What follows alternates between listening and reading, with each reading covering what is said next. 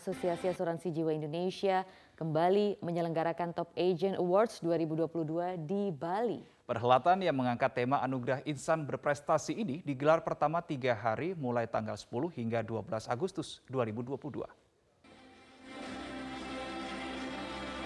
Top Agent Awards Asosiasi Asuransi Jiwa Indonesia merupakan suatu ajang yang bergengsi bagi para agen asuransi jiwa terbaik di Indonesia. Penghargaan diberikan untuk enam kategori, yaitu Top Rookie Agent by Premium, Top Rookie Agent by Policy, Top Agent in Telemarketing, Top Agent by Group Premium, Top Leader by Premium, dan Top Leader by Recruitment. Melalui ajang ini diharapkan hadir insan asuransi jiwa yang berdedikasi dalam memberikan pemahaman kepada masyarakat akan pentingnya perlindungan asuransi jiwa serta meningkatkan kembali gaung asuransi jiwa kepada masyarakat Indonesia terutama pasca pandemi COVID-19.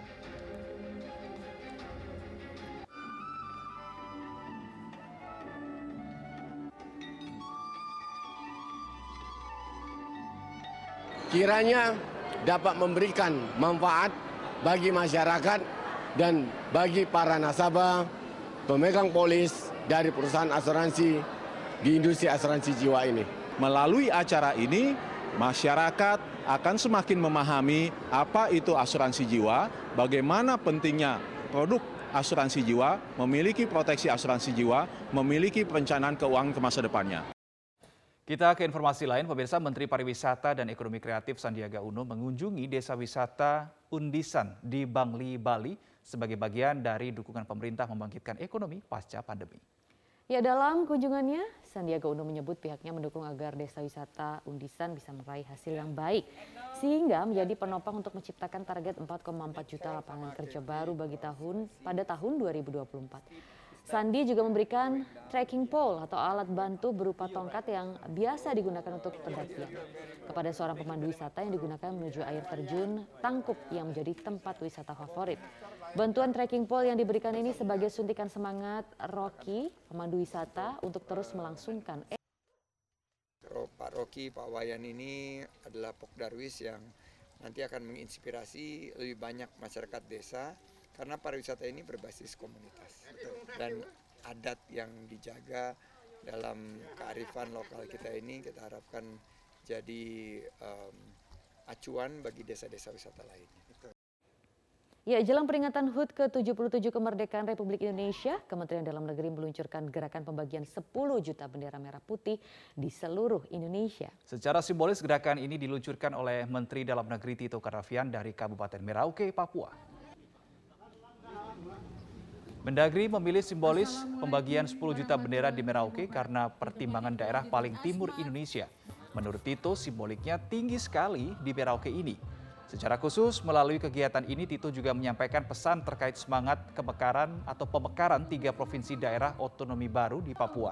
Percepatan pembangunan di Papua disebut bisa dilakukan dengan pemekaran. Apalagi aspirasi ini sudah disampaikan sejak 20 tahun yang lalu.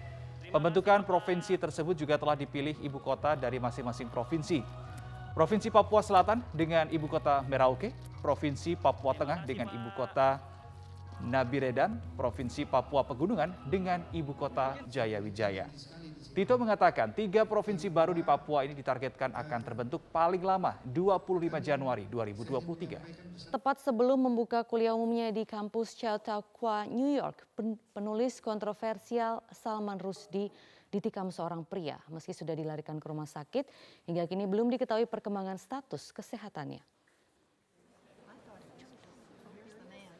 Pihak kepolisian New York merilis identitas pelaku yang diketahui bernama Hadi Matar. Pria berusia 24 tahun yang tercatat berdomisili di Fairview, New Jersey pada Jumat pagi tepatnya pukul 10.47 waktu setempat. Saksi mata ini menuturkan melihat tersangka berjalan cepat ke arah podium tempat Salman hendak memberi kuliah umum. Tak lama tersangka pun menikam dua bagian tubuh Salman dan membuat korban tersungkur bersimbah darah. Atas kejadian identified as Haiti Matar, age 24, from Fairview, New Jersey. Uh, earlier today, at approximately 10:47 a.m., guest speakers Solomon Rushdie, age 75, and Ralph Henry Reese, age 73, had just arrived on stage at the institution.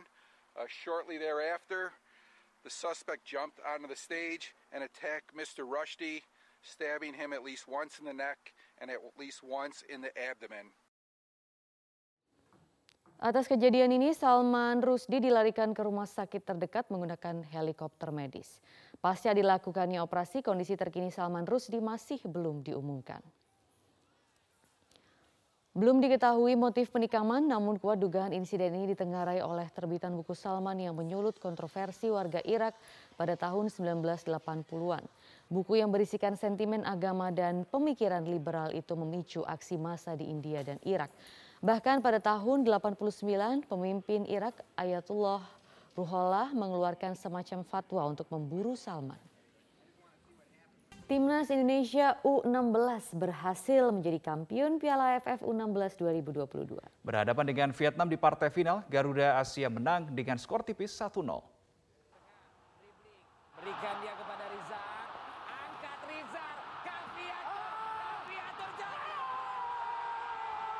Anak asuh Bima Sakti langsung tancap gas sejak awal laga. Mereka langsung membobardir gawang Vietnam untuk mencetak gol cepat.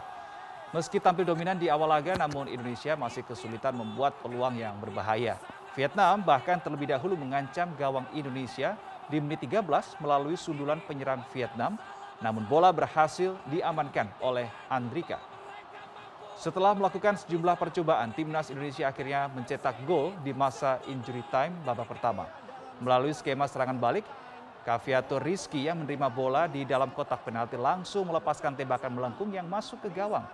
Skor 1-0 menutup jalannya pertandingan di babak pertama dan bertahan hingga akhir laga. Kemenangan ini merupakan trofi kedua bagi timnas Indonesia U16 setelah sebelumnya menjadi juara di tahun 2018 silam usai mengalahkan Thailand melalui babak penalti yang digelar di Sidoarjo, Jawa Timur.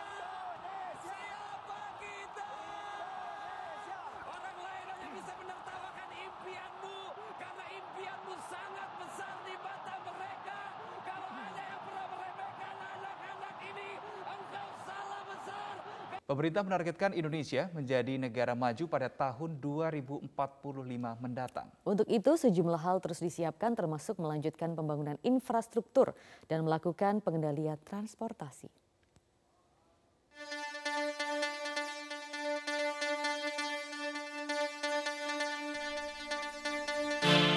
Kementerian Perhubungan menilai ada dua hal yang bisa dimaknai sebagai wujud merdeka di sektor transportasi.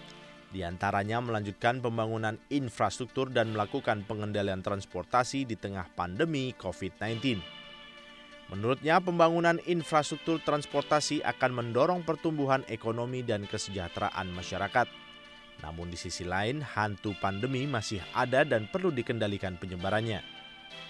Pembangunan infrastruktur transportasi merupakan salah satu tahap penting untuk mewujudkan Indonesia menjadi negara maju pada 2045 sesuai dengan visi Presiden Joko Widodo dan Wapres Ma'ruf Amin pada Kabinet Indonesia Maju. Pembangunan infrastruktur transportasi diperlukan untuk mendorong pertumbuhan ekonomi dan pemerataan pembangunan antar wilayah di Indonesia yang dapat meningkatkan daya saing bangsa. Selain pembangunan infrastruktur, Kemenhub melalui sekolah kedinasan di bawah Badan Pengembangan SDM Perhubungan atau BPSDMP, yakni Politeknik Transportasi Darat Indonesia, Sekolah Tinggi Transportasi Darat, PTDI STTD, berkomitmen meningkatkan kualitas SDM melalui jalur akademik dengan memberikan pengetahuan komprehensif di bidang transportasi darat.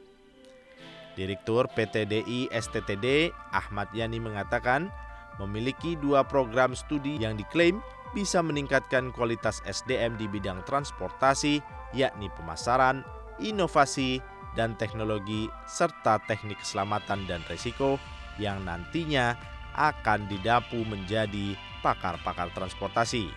Kita mau bahwa nanti lulusan dari sini itu bisa secara uh, secara apa namanya secara uh, mapan menyiapkan satu kebijakan bagaimana ekonomi suatu wilayah dikaitkan dengan pengembangan transportasi. Nah ini menarik. Di samping ya, kita lihat sekarang perkembangan teknologi yang mau tidak mau suka tidak suka digitalisasi itu juga bagian yang tidak terpisahkan. Nah kita ingin membangun itu.